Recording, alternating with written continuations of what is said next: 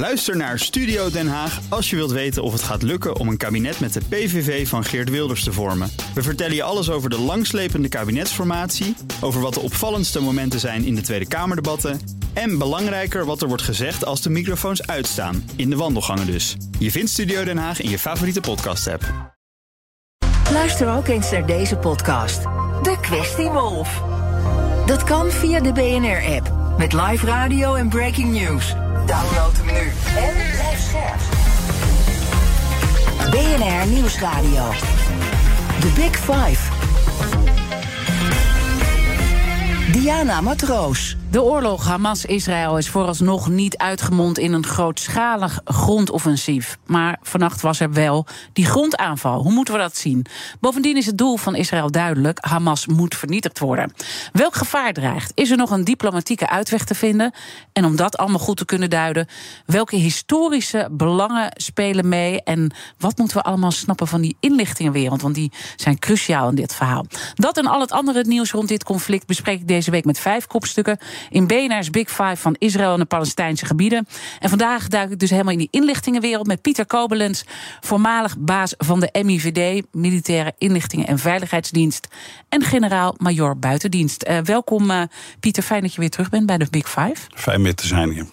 Uh, ik ga straks natuurlijk uitgebreid uh, met je bespreken wat er nou is misgegaan qua inlichtingenwerk op 7 oktober. Toen die gruwelijke aanval heeft uh, plaatsgevonden, wetende dat eigenlijk de Israëli's supergoed zijn in dat inlichtingenwerk.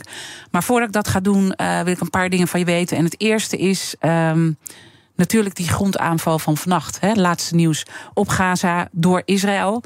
Uh, je vertelde eerder uh, bij mij ook in dit programma dat je veel contact hebt met uh, inlichtingenbazen, oud-inlichtingenbazen in Amerika, Israël, Verenigd Koninkrijk. Zitten jullie dan meteen met elkaar te bellen en te contacten? Nou, het gaat meestal via, via app. En soms bellen we elkaar. Mm -hmm. En uh, soms uh, is het push en soms is het pull. Uh, en nu is het een beetje, in het begin was push met name vanuit de Israëlische zijde, die er toch een hoop aan gelegen zijn. Om de zaak zo, te laten, zo uit te leggen als dat ze daadwerkelijk zijn. Er wordt nogal gepolariseerd over gedacht wordt. Nee, we hebben veel contact. Ja, maar als we dan nu kijken naar die grondaanval van uh, vannacht, wordt gezegd een relatief grote grondaanval. Wat zeggen jullie daar dan over met elkaar? Nou, wat we erover zeggen, wat er gebeurd is, we moeten even terug, hè, want uh, dat offensief vindt al lang plaats, alleen uh, door de lucht. Hè, wij, uh, mede door mensen zoals ik, wordt voortdurend gekeken naar dat aanstaande grondoffensief, omdat er 300.000 man aan de grens staan, waarvan de ene duider vindt dat ze ieder ogenblik kunnen aanvallen en de andere niet. Maar er zijn heel veel redenen om dat niet te doen. dus behalve de luchtaanvallen vinden er al lang infiltraties plaats door Special Forces, op zoek naar de meer dan 200 gijzelaars, waarvan blijkt dat de helft ook nog een internationaal paspoort zouden hebben. En uh, wat ook gebeurt is dat men, uh, dat moet men in, in landmacht hebben met shaping the battlefield. Dus je zorgt er ook voor dat obstakels die je ziet als je met een groot offensief wil beginnen, dat die weggeruimd zijn. Of dat je plekken van weerstand of wapenopslag probeert zoveel mogelijk te vernietigen. Dat doe je met luchtoffensief, maar dat kan ook zoals afgelopen nacht of dagen door een, iets, door een beperkt grondoffensief, wat nu alweer opgehouden is. En ik denk dat dat een, een heel logisch iets is. Omdat uh, het feit dat ze zoveel troepen hebben samengetrokken. 300.000 man is heel veel. Dus vijf keer uh, het ministerie van Defensie in Nederland, om maar wat te noemen. Mm -hmm. um, die dreiging blijft natuurlijk altijd voor Hamas. Die, zolang zij niet binnenvallen, kan Hamas ook niets doen. Dus die dreiging die werkt altijd. Mm -hmm. En bovendien moeten de Israëli's ook het een en ander in de reserve houden. Want uh, we horen ze nu en dan dat er af en toe een aanval wordt gepleegd vanuit Libanon. Dat de Israëli's terugslaan. Maar die hebben echt geen behoefte aan een grondoorlog uh, met Hezbollah in, uh, in, in Libanon. En hebben we het nog niet eens gehad over de dreiging vanaf de westelijke Jordaanoever. Dat is het gedeelte mm -hmm. waar Palestijnen wonen, waar steeds meer Joodse nederzettingen zijn neergezet. Begrijpen, zeg je dan dat je niet een grootschalig grondoffensief verwacht? Verwacht? Dat dat steeds uh, dit soort kleine plukjes zijn die we zullen zien. En dat vooral de special forces bezig zijn om zoveel mogelijk Hamas waar dat kan uit te schakelen? Ja, want de internationale gemeenschap waarschuwt regelmatig uh, Netanyahu dat hij geen bloedblad moet aanrichten. En de enige manier om wat te voorkomen is heel gericht en heel nauwkeurig aanvallen uit te voeren die een zo groot mogelijk uh, effect hebben. Mm -hmm. Dus ik verwacht ik verwacht niet dat er op superkort termijn opeens een enorm groot leger uh, de Gaza binnenstroomt. Omdat ja, dan moet je wel weten, exact weten welke doelen je uit wil schakelen. En het doel zou zijn Hamas uit te roeien. Maar ja, mm -hmm. die zitten tussen de Gazanen. Ja, ja. Dus ik zie die militaire oplossing zie ik niet. Ik zie wel het gevaar voor Israël dat de oorlog zich om hen heen uitbreidt. En je kunt je leger maar één keer inzetten. Dus ik denk dat daar zowel een militaire voorzichtigheid is.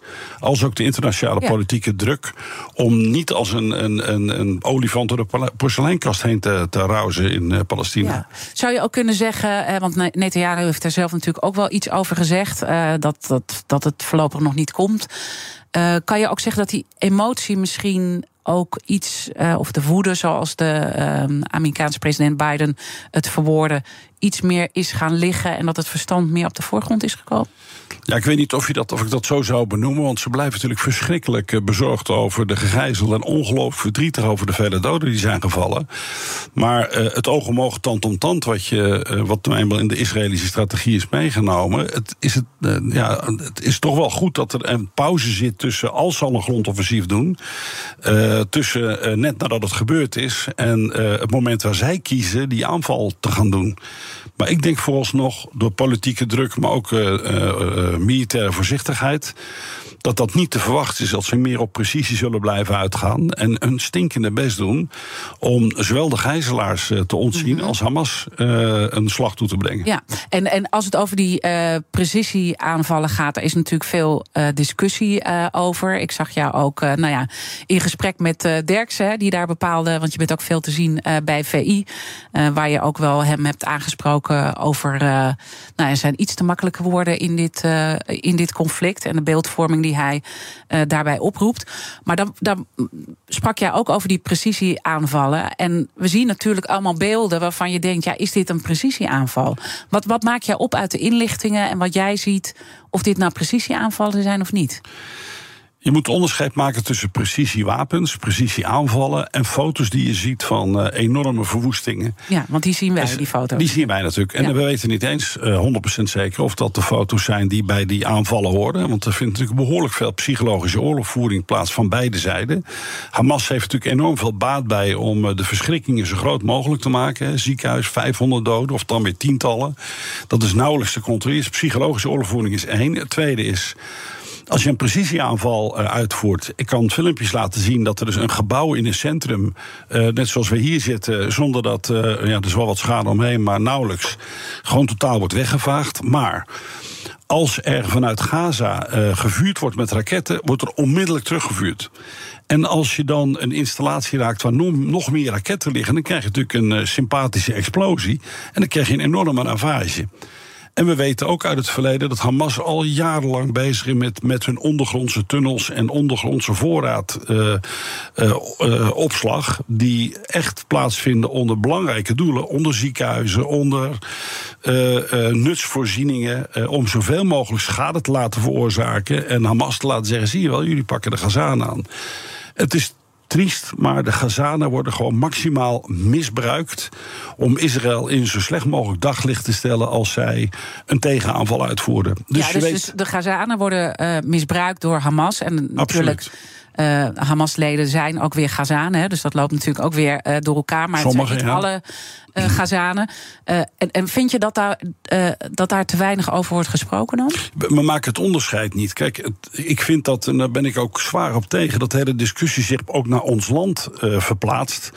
In een situatie dat je pro-Palestijns of pro-Israëlisch bent. Volgens mij is dat helemaal niet aan de orde. Uh, als ze mij vragen, ja, wat vind je dan van Palestina? Ik, vind dat, uh, ik ben helemaal voor een twee-staten-systeem. Maar dan moet je wel voor zorgen dat de Israëli's ook veilig zijn. Daar, gaat het, daar allemaal om begonnen. Daar is die muur omheen gezet. En dan kun je natuurlijk over oorzaak en gevolg praten. Maar beide volken hebben er baat bij om veilig te leven. Ja, als jij uh, voortdurend zaken moet doen met radicale islamieten. die eigenlijk willen dat jij uh, met je land totaal van de kaart wordt geveegd. en bovendien ook nog super anti-westers is. gevoed door een groot land, en hebben we nog niet genoemd, Iran. Ja, dan wordt het heel erg ingewikkeld om het hier eventjes in Nederland op te lossen. Die discussie moeten we hier niet hebben. We moeten ons gezonde verstand gebruiken en het verschil maken tussen Israël, Palestina en Hamas. Mm En als we dan de EU-top van vandaag en uh, morgen zien, hè, waar uh, nou ja, onze leiders weer allemaal bij elkaar komen om hier dan weer wat van uh, te vinden. Wat zou jouw belangrijkste advies aan hen zijn? En verwacht je ook dat ze het gaan opvolgen? Nou, we gaan niks nieuws horen. Anke Bruin-Slot eh, als oud-militair zei... die gebruikt ook het woord wapenstilstand, niet maar gevechtspauze. En die gevechtspauze zou dan moeten zijn om humanitaire hulp uh, mogelijk te maken. Maar ook dat is een uitdaging. Excuus voor de Israëli's, want Neem bijvoorbeeld brandstof. We weten dat alles wat de grens overkomt ook door Hamas gebruikt wordt. Mm -hmm. Hamas interesseert geen bal wat er met de Gazanen gebeurt. Ja, zo even een glaasje water voor je halen. Toch? Nee, Misschien wel. Het is al weg. ja. Dus dat, uh, dat verschil moeten wij, hoe vervelend ook, blijven maken. En niemand wil, ik vond dat de premier dat heel goed zei. Ja, niemand wil iemand dood hebben. Dan moeten we enorm het verschil blijven maken tussen die twee dingen, denk ik: Israël, Palestina en Hamas. De Big Five. Diana Matroos. Mijn gast is Pieter Kobelens. Hij is voormalig MIVD-baas en generaal-majoor buitendienst. En als het uh, ja, over de wereld van inlichtingen gaat, dan is het ook altijd heel interessant om aan jou de vraag te stellen: welke vraag wordt nou niet gesteld door media, door politiek leiders, uh, in de hele discussie die we wel zouden moeten stellen op basis van inlichtingenwerk wat jullie allemaal zien? Want jullie zien altijd meer dan dat wij zien. Ja, omdat je als je bij een werkt, dan probeer je ook de grotere verbanden te zien. En we noemden, ik noemde net het land al. Iran is hier een ongelooflijk groot meesterbrein achter. We focussen nu op de resultaten van al die narigheid. Iran ondersteunt zowel Hezbollah als Hamas. En uh, het is een publiek geheim dat de raketten die gebruikt worden daar vandaan komen. En later ook de technieken om ze daardoor uh, zelf te kunnen maken en op Israël te vuren. En dat doen ze ook het hele jaar door. Ik bedoel, uh, ze raken niet altijd wat, maar er wordt regelmatig gevuurd op Israël. Wat wij vergeten is dat um, we kijken naar Iran als een land wat misschien een nucleaire macht zou kunnen worden. En vanuit dat oogpunt klein moet worden gehouden. Maar het is gewoon een meesterbrein die het, uh, dat, dat, dat radicale islamitische uh, ondersteunt. Mm -hmm. Dat bewijzen ze met nare voorbeelden uit het eigen land ten aanzien van vrouwen, kleding, et cetera ook. Dus de vraag die gesteld zou moeten worden: uh, is, is, is Iran het meesterbrein?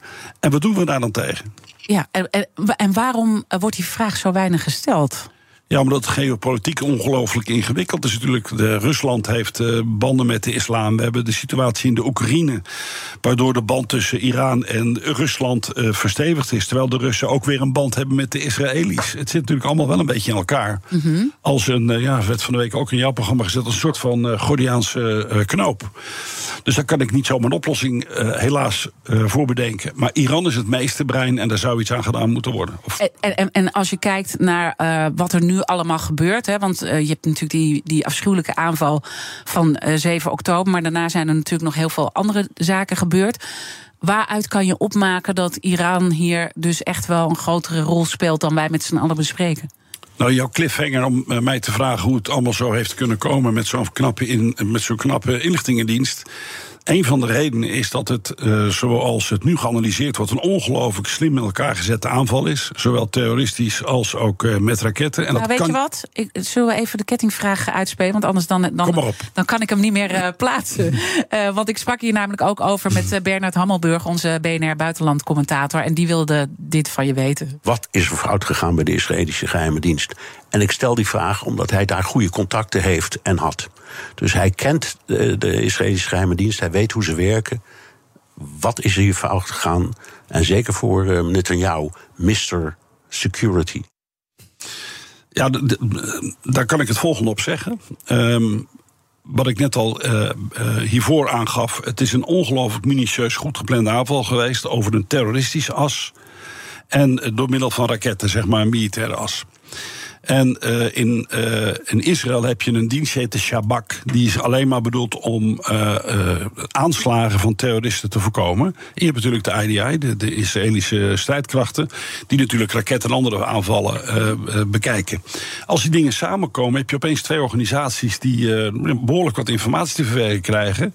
En plotseling met elkaar moeten gaan samenwerken. Dat is overigens niet de oorzaak dat men het gemist heeft.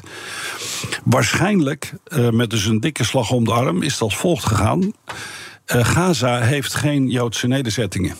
Uh, daar heeft men, omdat men, ik spreek even vanuit Israëlisch perspectief, regelmatig last had van terroristische aanvallen en dreiging vanuit Gaza, een grote muur omheen gezet uh, tot grote ergernis van velen. En is daardoor een soort openluchtgevangenis geworden. Daar staan ook sensorsystemen op. Ze hebben satellieten die dat in de gaten houden. Mm -hmm. En ook dus vanuit zee wordt er van alles in de zeker. gaten gehouden. Hè? Dus en het is echt, beschrijf even die muur nog voor de mensen die dat niet duidelijk ja, in beeld Het is niet alleen muur, het is prikkeldraad. Er liggen allerlei sensorsystemen in. Je kunt daar niet zomaar naar binnen en naar buiten. De Israëli's mm -hmm. hebben dat redelijk hermetisch afgesloten. Behalve dat een stukje wat richting Egypte gaat. Ik geloof 140.000 ton ijzer en staal. Ja. En uh, nou, tal van camera's, sensoren en radarsystemen. Nou, je ziet hoe snel dat aan de kant wordt gegooid als je met motorrijders erheen wil. Dus het heeft dus toch zijn zwaktes gehad. In ieder geval, als jij denkt dat je daarmee een dreiging hebt uh, te beheersen, uh, dan uh, je kunt je inlichtingendienst maar één keer inzetten. ze hebben een handenvol aan de, Jordaan, aan de westelijke Jordaanover. Daar heb je Joodse nederzettingen. Daar houden ook na verluid Joodse fundamentalisten huis onder Palestijnen. Dus dat is een permanente situatie waar nieuw gevaar uit kan ontstaan. En waar landen die daar sympathiek tegenover staan ook militaire consequenties aan kunnen verbieden. Het idee is dat men zich te veel gefocust heeft op de westelijke Jordaanoever. Te veel gefocust heeft op, uh, op Hezbollah, vergeet hij ook niet, vanuit Libanon. En dat men dacht dat uh, Gaza redelijk in de hand kon worden gehouden. Nou, als je dat combineert met een minutieus uh, uh, uitgevoerde aanval, raketten. Dus je aandacht wordt afgeleid door raketaanvallen. Vervolgens komen er mannen met vliegtuigjes of met zweefdingen over de muur heen. Want die houdt zo'n muur natuurlijk niet tegen. Zijn ook nauwelijks te zien met een radar. En vervolgens ook met groot materieel een stuk uit die muur weggevaagd. en gaan mm -hmm. motorrijders naar binnen. Ja, dan ben je opeens, moet je reageren. En dan... Maar is het niet toch gek? Ik bedoel, dit, dit, ze worden altijd beschreven als de beste inlichtingendienst ter wereld. Ik, was, ik ben fan van Ajax. Dat vond ik altijd de beste club van ja. de hele wereld. Ja. Maar je weet dat dat niet altijd goed gaat. Er, nee. er worden, ook daar worden fouten gemaakt. En vergeet niet, Israël is een land wat in voortdurende staat van oorlog is. Daar staat het brandalarm altijd aan. Dus als bij jou het brandalarm uh, dag en nacht afgaat... op een gegeven moment krijg je daar zwakke plekken. Van dat zal wel meevallen. Natuurlijk worden daar fouten gemaakt. Dat kan niet anders. Mm -hmm. en als je maar, dan... maar vind je de rol die Netanyahu heeft gespeeld in dit verhaal vind je dat nog iets waar we. Hè, want die krijgt best wel veel kritiek natuurlijk. Dat deze hele uh, situatie is ontstaan. En er was ook een fraudezaak waar hij heel veel aandacht en tijd aan heeft uh, besteed. Is dat te makkelijk? Nou ja, ik denk dat Netanyahu zeker uh, een hoop te verwijten valt. Ik vind, maar ja, dat is mijn persoonlijke mening, de nederzettingen politiek uh, op basis van de wet die men aangenomen heeft, iedereen uh, die dat wil, voor Joodse komaf, welkom is in Israël, in een land, want dat wou ik net nog even zeggen, ja. zo groot als Noord- en Zuid-Holland, als je dan niet meteen reageert, heb je vanuit militair perspectief geen enkele kans meer. Dat oog om oog, tand op tand is bedacht van als je mij wat krijg je een klap voor je hersens terug. Anders is het land weggevaagd. Mm -hmm. Dus als je die dingen met elkaar combineert, dan zie je een, land wat uh, uh, uh, waarschijnlijk zich te veel gefocust heeft op het nederzettingengedeelte, dus op de westelijke Jordaanoever. Goed heeft gehouden, oog heeft gehouden op Hamas. En misschien te veel getrouwd heeft op de technische hulpmiddelen rond Gaza. -hmm. En misschien ook op de besprekingen die natuurlijk gaande waren, wat juist voor Hamas geflankeerd door Iran het moment was om dit juist te laten escaleren. Maar wat misschien aan de andere kant werd gedacht, die toenaderingsgesprekken ook onder leiding van Amerika. We, gaan, we hoeven ons niet zo druk te maken hier. Nou ja, dat kan. Het kan ook, kijk, kan ook een zorgvuldig geplande psychologische oorlogvoering zijn. Door wetend dat je die aanval gaat plaats laten vinden als Hamas eh, ondersteund door derde. Dat je iedereen een beetje in slaap laat sukkelen door gesprekken te openen. Als organisatie die eigenlijk vindt dat Israël totaal moet verdwijnen. Dus het is het samenspel van uh, de besprekingen die ook in Moskou hebben plaatsgevonden. Die met de Biden's regering hebben plaatsgevonden. Uh, het veronachtzamen van de Gazastrook op basis van de technische hulpmiddelen die ze hebben, de ellende die er in, uh, op de westelijke Jordaanhoever is, om maar niet te praten over de chaos in de Knesset. Ik bedoel, hoe, hoeveel moeite het niet gekost heeft om daar een regering bij elkaar uh, te krijgen, waar Netanyahu er zelf voor gezorgd heeft dat Israëlische Joodse fundamentalisten een lang, belangrijke rol spelen. Vandaar dat gedoe op de westelijke Jordaanhoever. Die voelen zich daardoor gesteund. Ja, en je hebt gelijk een, een situatie die je volgens mij niet zomaar even 1, 2, 3 kan beheersen. Dus het is een combinatie van uh, factoren naar mijn ja, mening. En, en uh, speelt nog die uh, belangrijke dag ook die het was? Hè? Want dat was natuurlijk ook een. Yom Kippur plus een dag. Ja. En het was een Shabbat. Ja, dat, natuurlijk zijn het allemaal dingen die zorgvuldig, zorgvuldig over nagedacht dat je een, een, een, aanval inzet wanneer je tegenstander op het linkerbeen staat of een beetje in slaap gesukkeld is. Nou ja, Als je die combinatie van dingen die ik net noemde op een hoop zet, kun je in ieder geval zien wat het resultaat is. Ja. Uh, uh, als je, uh, dit wetende nu, is het dan ook zo dat er bij de inlichtingendiensten meteen koppen gaan rollen? Want je beschrijft ook, je hebt al die verschillende diensten en die moeten dan opeens samenwerken. En ja, in die samenwerking gaat het dus blijkbaar dan ook niet goed. Hè? Dat zou je als kritiekpunt eruit dat, kunnen pikken. Dat kan, maar dat is weer typische Nederlandse oplossing. Ik was ooit op bezoek bij de Shabak. Ja. Uh, en ik was verrast door de gemiddelde leeftijd. De meeste, het was 24-7 bezet. De meeste waren dames van uh, ja, tussen de 25 en 35. Die viel mij op. En die grote bevoegdheden hebben om bij een mogelijke terroristische aanslag militaire middelen in te zetten. Dus ja, waarom is die leeftijd. Uh, nou, men vond dat men dan beter kon nadenken, bla bla bla. Uh, ik zeg, worden die nooit fouten gemaakt? Ja, het was een fout gemaakt. Ik zeg, wat gebeurt er dan met zo'n mensen? Nou, die mevrouw die daar staat, die heeft vorig jaar informatie gemist. Is een, uh, een bus opgeblazen. Ik heb het over voor 2011 ergens. Waarbij 13 doden vielen. En ze is de beste die we nu hebben. Dus de Israëli's hadden in ieder geval op dat moment bij die dienst niet het idee dat er de verantwoordelijkheid werd gevraagd, iemand zijn kop moest rollen. Maar die had zo'n beuk gekregen, dat zou haar geen tweede keer overkomen. Dat is een van de beste die ze nu hebben. En daar ben ik toch eens goed over na gaan denken. -hmm. En dat hebben we ook gebruikt in, uh, bij, de, bij de MIVD. Nou, mensen die jonger zijn, maar ook mensen die fouten maken, niet gelijk op het zijspoor te zetten. En een klap op de oren. En uh, zoals dat tegenwoordig heet, uh, te, te erasen en mm -hmm. weg te vagen. Maar ja. juist gebruik te maken van. Dus, dus dat is niet de verwachting. Nou is dit nee. natuurlijk wel iets anders dan een aanval op een bus. Want Zeker. dit is zo ook de ontmenselijking die heeft uh, plaatsgevonden. Uh, dat moet bijna wel ergens consequenties hebben, toch?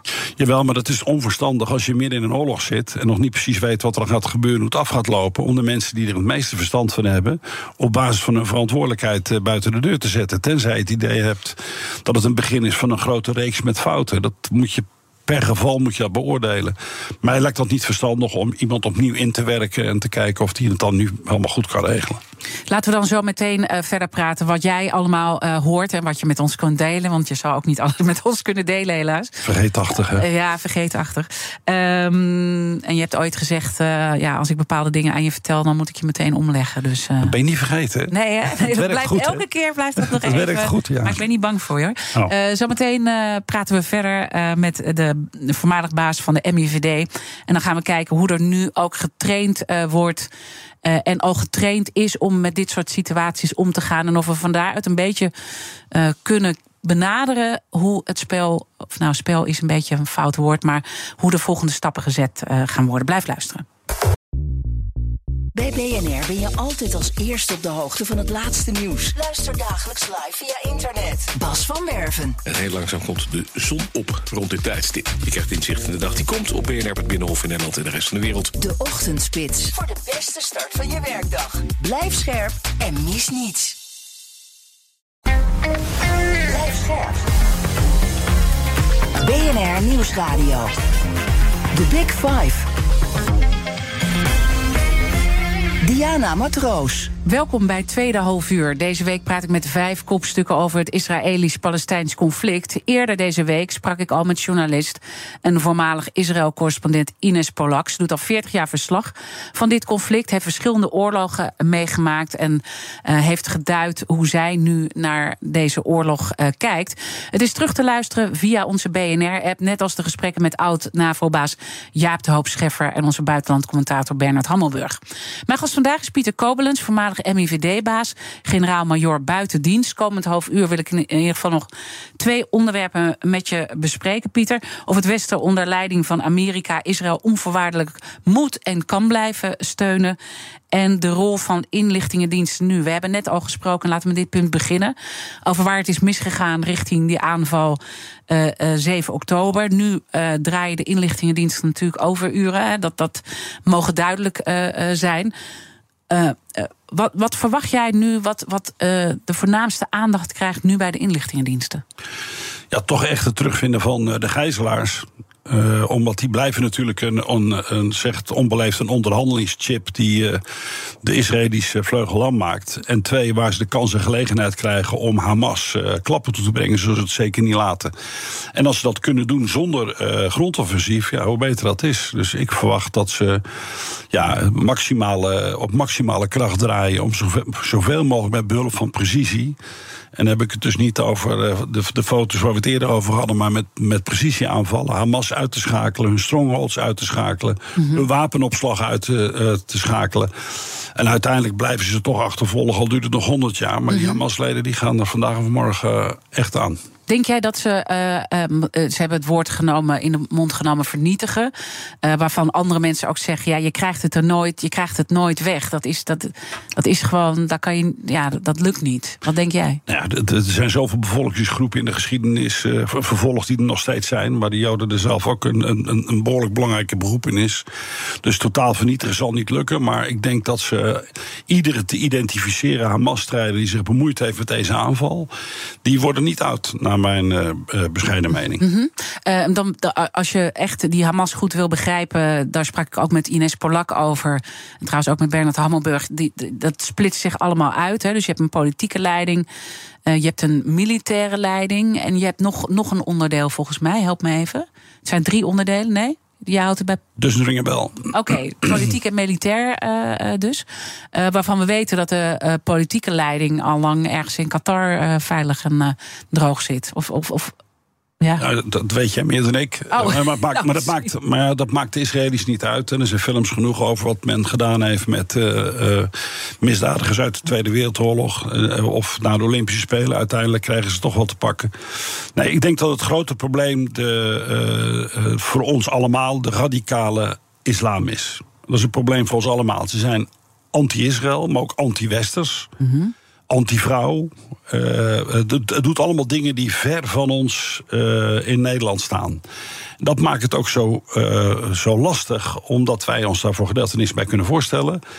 Ik heb het natuurlijk de ervaringen mee uit wat ik heb gezien in, in Afghanistan, Irak. Waarbij ik opgevoed ben door ouders die zeiden: Nou ja, de Holocaust nooit meer. Dat gaat nooit meer gebeuren. Concentratiekamp, ik heb ze zelf gezien. Mensen veranderen gewoon geen bal eigenlijk. En wij blijven maar eh, vanuit een redelijk, vanaf een redelijk roze wolk. met het vingertje wijzen hoe het allemaal anders zou kunnen. Maar ik, ik verzeker je, als je elke dag onder vuur ligt. of uh, wat in Israël toch echt het geval is. in een klein land bent waarbij je voortdurend in staat van oorlog bent. ja, dan ga je toch anders tegen de wereld aankijken. Ja. Dat kan haast niet anders. Dus als het gaat over moeten wij uh, dat land uh, blijven steunen, wat je net vroeg, hè, wat onder uh, Verenigde Staten, onder leiding van de Verenigde Staten. Ik vind van wel, maar niet onvoorwaardelijk. Het kan niet zo zijn dat Israël zich niet aan het internationale en humanitaire recht zou moeten houden. Daar kan geen sprake van zijn. Mm -hmm. Bovendien hebben ze een krijgsmacht die dat in principe ook kan. Met die verstanden dat hun land zo klein is, ze kunnen niet te veel slagen om de arm nemen, anders dan is hun land weg. Ja, en, en uh, je, je noemt een paar dingen nu: oorlogsrecht, humanitair recht. Er wordt veel ook. Uh, iedereen die heeft daar een mening over en die zegt er wat over. Ik heb vaak het gevoel zonder kennis uh, van zaken. Vind jij dat ook? Ja, dat klinkt een beetje arrogant misschien. Kijk, als het je werk niet is geweest. Bij, ik kom natuurlijk uit de wereld waarbij we internationale operaties moesten deelnemen. Waar heel lang werd nagedacht over wat men dan noemt de rules of engagement. Het moment waarop we wel of niet mochten vuren. Met allerlei veiligheden. Nou, we zien dat we nu een rechtszaak hebben. omdat er een, een, een, een munitieopslagplaats in, in Syrië is, is gebombardeerd door de Nederlandse F-16's. Wat voor consequenties dat wel of niet zou moeten hebben. Ik weet dat dat zeer serieus uh, wordt gedaan. Maar het blijft geweld gebruiken tegen mensen. Het betekent gewoon dat je mensen doodmaakt. En dat je eigenlijk vraagt: doe me een lol. Maak alleen de, de hele slechte dood. En zorg er vooral voor dat de alle anderen niet worden geraakt. Ja, of de ellende van meekrijgen. Dat is dat niet de realiteit van het nee, slagveld. Want ook militairen zijn natuurlijk. Ik ben ook militair. En jij bent net als ik een Nederlandse. En ik heb mijn werk gedaan in, het, in dienst van het Koninkrijk der Nederlanden. En dat is dus ook jouw schuld. En dat wij militairen hebben. Wij zijn één volk. Dus dat je dan een, met elkaar afspreekt dat de mensen die soldaatje zijn proberen dat zo veilig mogelijk te laten doen. En zo humanitair mogelijk. Dat zit hem net in het woord mogelijk. En daar wordt altijd gebruik of misbruik van gemaakt. Ja, en als je dan nu naar de huidige situatie kijkt met de informatie. Ik bedoel, je hebt ook niet alle informatie, maar. Ehm, vind je dan dat dat in het geding komt al? Um, nou ja, het, wat je met name is hoort, wat iedereen ervan vindt. En dan krijg je foto's te zien wat dat zou moeten ondersteunen. Waarvan ik weet dat er tenminste een gedeelte psychologische oorlogvoering is. En wat we bij Irak eh, destijds ook zagen. Het lijkt het opeens vergeten wie deze ellende allemaal begonnen is. Mm en uh, uh, krijg je allerlei soorten frames waarbij uh, met name in het begin Israël werd geweest... ja, je moet wel een beetje rustig aan doen, want eens kijken wat er allemaal gebeurt. Toen, toen, waren ze nog niet eens warm gedraaid tussen aanleidingstekens. Dus ik snap het wel dat we allemaal graag willen dat alleen de bozerikken uh, worden gepakt. Hè. Iedereen zegt ook, ja, ik ben tegen wat Hamas heeft gedaan komma. En dan krijg je een enorme puntenlijst waar Israël zich allemaal moet aan houden. En of ze wel of geen wraak mogen nemen. En waar ze allemaal voorzichtig mee moeten zijn. Nou, dat wordt allemaal weer gevoed, omdat we allemaal ideeën hebben uit onze geschiedenis. Over wat Palestina wel of niet zou mogen zijn. Of Israël wel of niet zou mogen zijn. Ik vind dat je dingen maar hoe, hoe als je nu even naar, uh, in perspectief van de Gazanen gaat staan.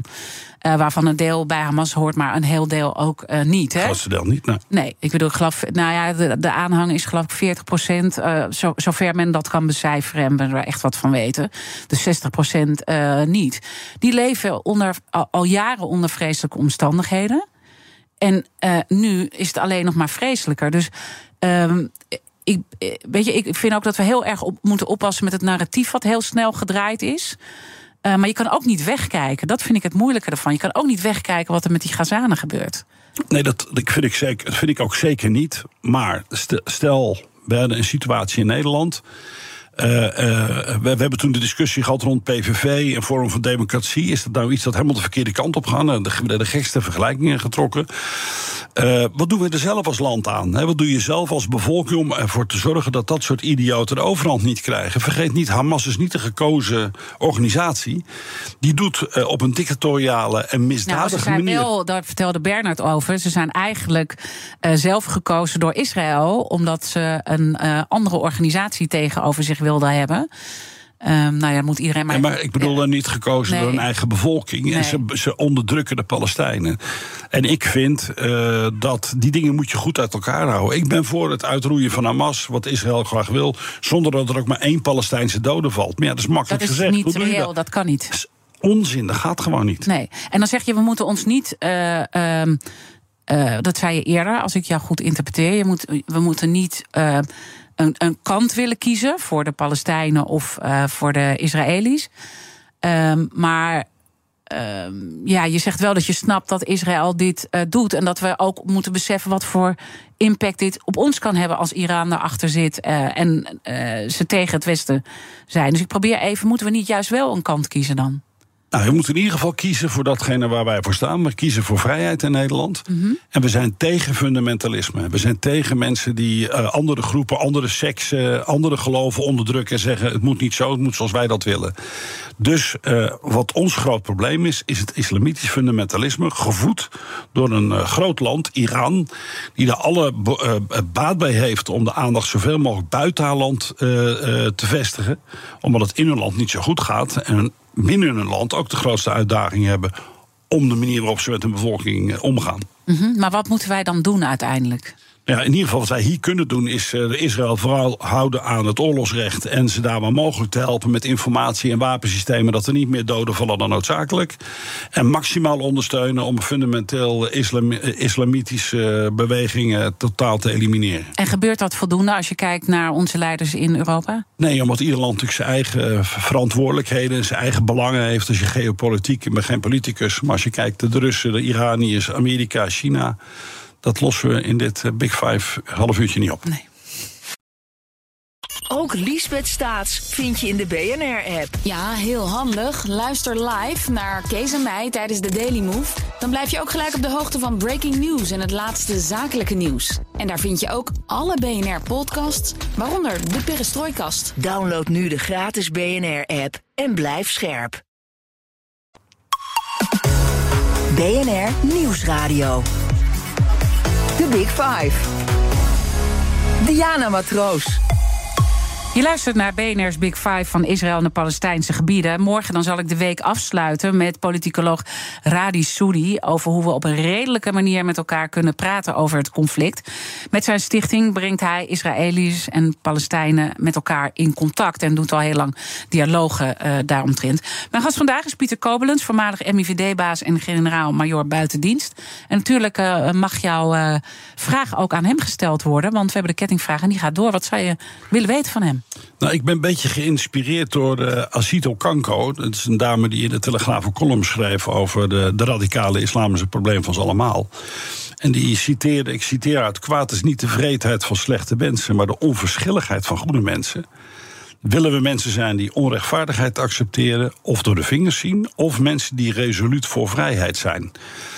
En mijn vraag aan hem is: als wij vrijheid zo ongelooflijk belangrijk vinden, zouden we er dan niet voor moeten zorgen dat wij daar de juiste aandacht aan geven en dat mensen die daar anders over denken, uh, dan, dan maar heropgevoed moeten worden omdat dat namelijk, naar mijn mening, uh, de voedingsboding is voor mensen die uh, gekke dingen doen. En of het nou, maakt niet uit welk fundamentalisme, maar die uit om allerlei onredelijke dingen, zaken die doen, die onze vrijheid, waar we 2000 jaar over gedaan hebben, in het geding brengen. Ik ga die vraag uh, natuurlijk aan hem laten horen. Maar als we daar uh, nu samen over doorpraten, dan uh, maak jij de brug vanuit ehm, Hamas als terreurorganisatie, geflankeerd door Iran, wat uiteindelijk. ja, het, het stopt voor Iran niet bij Israël. En dat, dat wil jij dat we hier meer bevechten? Absoluut. We hebben gezien dat de band tussen Iran en Jemen. Er zijn vanuit Jemen heeft men geprobeerd kruisvluchtwapens af te vuren. Vanuit Jemen helemaal op Eilat. Dat is onderschept door Amerikaanse schepen, las ik van de week. Ze doen er echt alles aan om de, de, de, de ellende die we in de wereld hebben te vergroten. op basis van hele fundamentalistische ideeën. waarbij ze hun eigen bevolking onderdrukken. Nou, ik vind in ieder geval dat wij als Westen. het is ooit begonnen na 9-11, de War Against Terror. het kaartensysteem wat de Amerikanen inbrachten. van mensen die echt gegarandeerd fout waren. Wat mij betreft mogen de Israëli's een nieuw kaartensysteem beginnen. waarbij we tenminste als westerse landen onze vrijheid, die ons hoog zit. Mm -hmm. bevechten door dat soort mensen uit te schakelen. Maar, of maar, goed maar op te Biden, bergen. de Amerikaanse president, zegt ook van verlies nou niet in de woede en de fouten die wij hebben gemaakt na 9-11. Dus dat is, een, dat is natuurlijk wel een, ja, een advies wat, wat je er ook van vindt. Ben je het daar niet mee eens dan? Jawel, maar men heeft er natuurlijk behoorlijk uh, lang over gedaan uh, om te beseffen dat een grondoorlog uh, à la Tweede Wereldoorlog door Irak even in te nemen of Kuwait te ontzetten, dat dat de problemen niet oploste. Want daarmee open je vaak de doos van Pandora. Want zo'n land wat, uh, laten we zeggen, niet zo ver in ontwikkeling is als wij, laten we het dan zo maar zeggen, een beetje arrogant. Ja, op het moment dat je daar de deksel van uh, het, het, potje afhaalt, gaan allerlei belangen, krijgsheren, uh, alles gaat in de war. En uh, wij proberen dan even, uh, dat hebben we ook in Afghanistan geprobeerd uit te leggen, hoe je binnen de kortste keer daar een democratisch uh, systeem van kan maken. En dan liefst ook nog in twee jaar, zodat we op tijd terug kunnen naar ons eigen land. Hm. Zo werkt dat niet. Zo werkt het niet. En je nee. zegt gewoon uitschakelen. Ik zou zeggen, als wij, we weten veel, we kunnen ook heel erg veel. Als wij ons stinkende best doen om mensen die zich fundamentalistisch gedragen te identificeren en bloot te stellen. Ja, dat is een gevecht dat zal misschien wel eeuwig duren. Mm. Maar we kunnen niet toelaten dat dit soort mensen uh, zich samenspannen ja. en dan weer iets veroorzaken. En is de MIVD hier dan daar ook mee bezig om dat allemaal in kaart te brengen? Ja, de, de, de, de inlichtingendiensten zijn niks anders dan uh, verzamelen van jigsaw-puzzelstukjes. die een puzzel presenteren Ja. van zo ziet het eruit. En Ja, maar dan kom je toch ook tot de kaartenbak? en daar moet de politieke leiding naar van vinden of ze dat ook willen of kunnen. Die, die, die kaartenbak kun je met een aantal diensten wel maken, maar je moet dan wel politieke backup hebben of een politieke opdracht hebben. Die Zo is er werken we in ons land. Nou, ik denk niet dat daar in Nederland dat we daar een beetje te klein voor zijn om daar zo tegenaan te kijken. Maar als wij dadelijk het verschil willen maken in NAVO-verband. En om een stap te maken als eh, de Amerikanen na Trump, als hij weer terugkomt, zich meer concentreren op, uh, op Azië. En dan zullen we echt ons eigen broek omhoog moeten houden. Dan moeten we iets bedenken waardoor we dit soort situaties proberen te voorkomen. En niet eerst wachten totdat we hier weer een of andere aanslag krijgen. Dat willen we niet. We willen ook niet dat landen, andere landen binnenhollen. Dus we zullen iets moeten bedenken waarbij we op basis van de informatie over steeds beter en slimmer worden. om daar uh, ja, de foute mensen eruit te halen mm -hmm. en die bloot te stellen.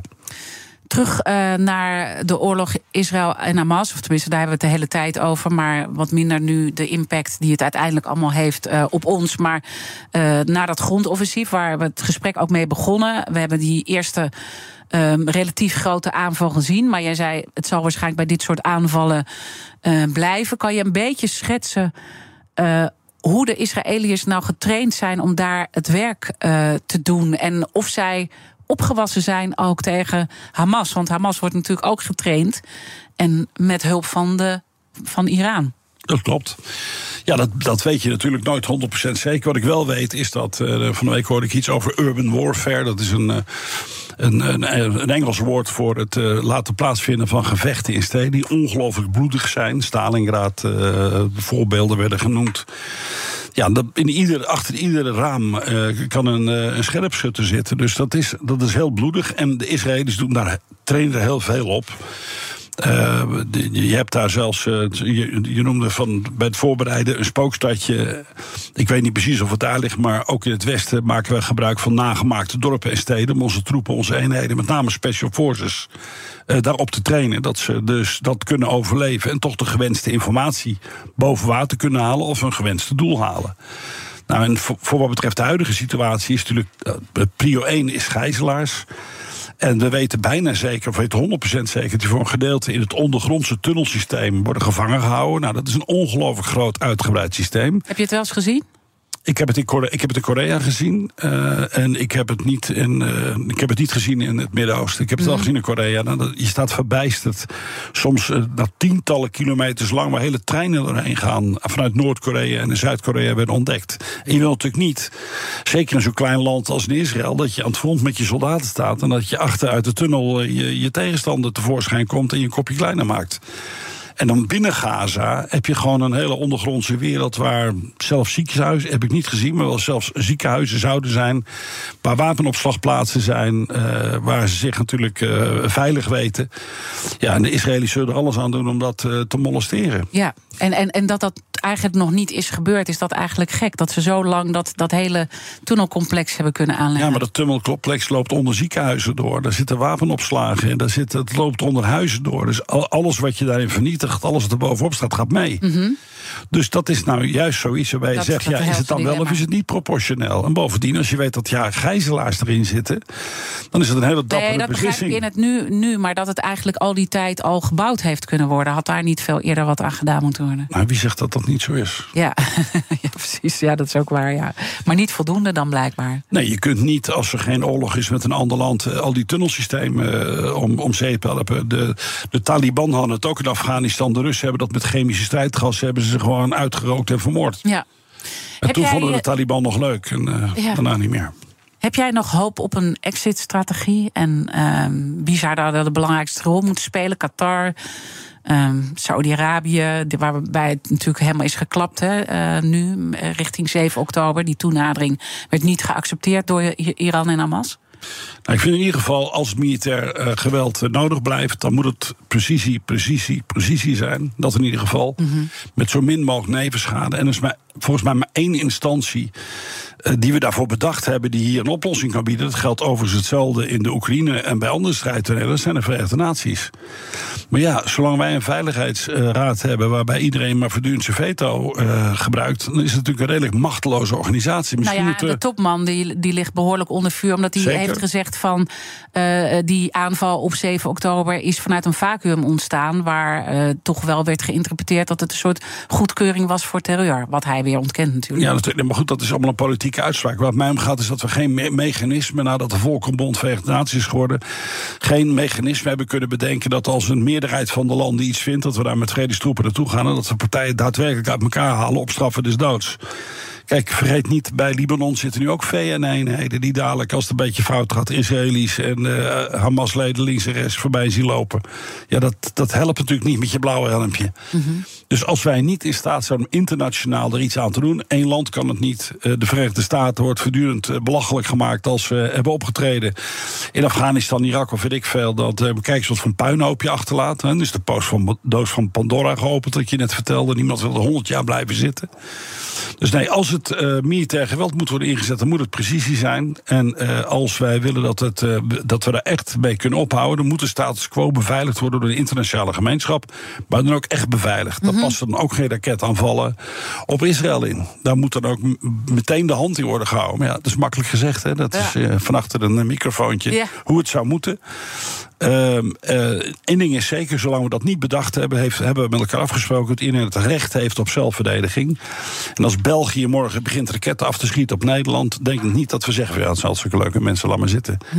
Dan hebben wij ook het recht om ons te verdedigen. En dat is het enige waar we ons nu een beetje af vast kunnen houden. Dankjewel dat je weer uh, in dit uur uh, wat inzicht hebt gegeven achter de schermen hoe het uh, gaat. En we zijn natuurlijk nog lang niet uitgesproken hierover, maar het uur zit er toch weer op. Dankjewel Pieter Kobelens, voormalig baas van de MIVD, generaal-majoor buitendienst. Fijne dag. Um, alle afleveringen zijn natuurlijk uh, terug te luisteren. Ook uh, al onze andere belangrijke en urgente thema's. Er gebeurt een hoop in de wereld. Abonneer op onze podcast via onze app of je favoriete podcastkanaal. Dan weet je zeker dat je niks mist. Maar blijf live. Zometeen BNR Zaken doen met Edwin Mooibroek vandaag. Ik wens je ondanks alle ellende in de wereld een mooie dag. Ook Bas van Werven vind je in de BNR-app. Ja, je kunt live naar mij en Iwan luisteren tijdens de ochtendspits. Je krijgt een melding van Breaking News. En niet alleen onze podcast Ochtendnieuws, maar alle BNR-podcasts vind je in de app. Download nu de gratis BNR-app en blijf scherp.